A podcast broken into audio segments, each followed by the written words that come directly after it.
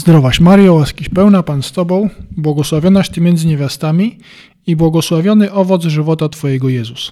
Święta Mario, Matko Boża, módl się za nami grzesznymi, teraz i w godzinę śmierci naszej. Amen.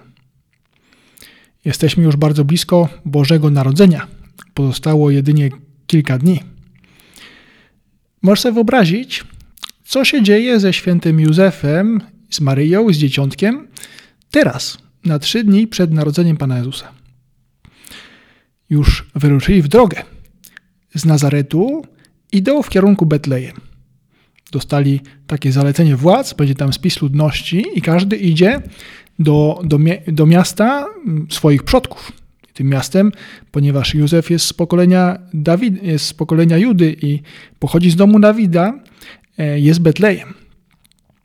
I Józef właśnie idzie z osiołkiem, Maryja siedzi na osiołku i idą e, całą tą drogę. To długa droga. Tak? Parę dni takiej przeprawy w takim terenie właściwym em, Ziemi Świętej.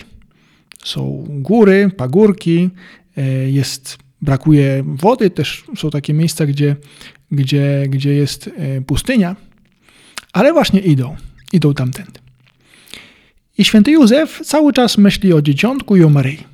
Co zrobić, żeby im było wygodnie, co zrobić, żeby nic się nie stało. Być może czyha, czyhają na nich jakieś trudności, może po drodze są zbójcy, ale właśnie Józef jest mocny, żeby, żeby bronić przed tymi zbójcami. Też jest bardzo uważny, żeby dać Maryi to, czego potrzebuje. Dać wody do picia, dać jedzenia, dać dobre schronienie wtedy, kiedy potrzebują się zatrzymać na noc. Józef cały czas myśli o Maryi i o dzieciątku. I myślę, że ty też możesz w tych dniach robić to, co, to, co robił, coś podobnego, co robił Józef. Będzie jeszcze parę dni przygotowań, trzeba kupić choinkę, udekorować ją, przygotować szopkę, ostatnie porządki. Dobrze, być może tych rzeczy będzie sporo i nie zawsze będziesz miał na nie ochotę. W takim razie Pomyśl właśnie, jak zachowywał się święty Józef.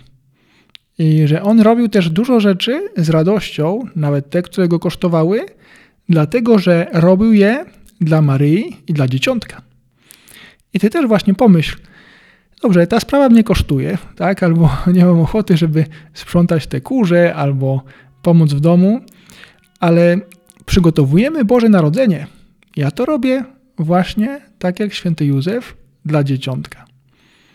I wtedy zobaczysz, że potrafisz zrobić te rzeczy z radością, z uśmiechem i, i będziesz się bardzo cieszył z tego, że przyjdzie Boże Narodzenie. I druga rzecz, do której chciałem Cię zachęcić, to żeby w Twoim domu była szopka i żebyś z tej szopki korzystał. Teraz być może w tych dniach ustawiasz szopkę, figurki, może właśnie jakiś taki mały lub większy, większą chatkę, w której będą te figurki Maryi, Józefa, pastuszków, owce, też ten wół i osioł. I staraj się, żeby któregoś dnia, wiele razy, tak, każdego dnia, e, patrzeć na dzieciątko. Patrzeć na dzieciątko i, i cieszyć się jego obecnością. Mówić mu miłe słowa, też zanieść mu wszystkie dobre uczynki, które robisz. I wtedy to Boże Narodzenie to nie tylko będzie takie święto, gdzie będą prezenty, gdzie jest choinka, to będzie święto, w którym nauczysz się być bliżej Pana Jezusa. Dobrze, kończymy to krótkie rozważanie, ale właśnie staraj się, żeby robić rzeczy, te przygotowania tak jak święty Józef, z myślą o Maryi i o Józefie. I później staraj się towarzyszyć dzieciątku i mówić mu dużo miłych słów w tych dniach Bożego Narodzenia. Zdrowaś Mario, łaskiś pełna, Pan z Tobą, błogosławionaś Ty między niewiastami i błogosławiony owoc żywota Twojego Jezus. Święta Mario, Matko Boża, módl się za nami grzesznymi, teraz i w godzinę śmierci naszej. Amen.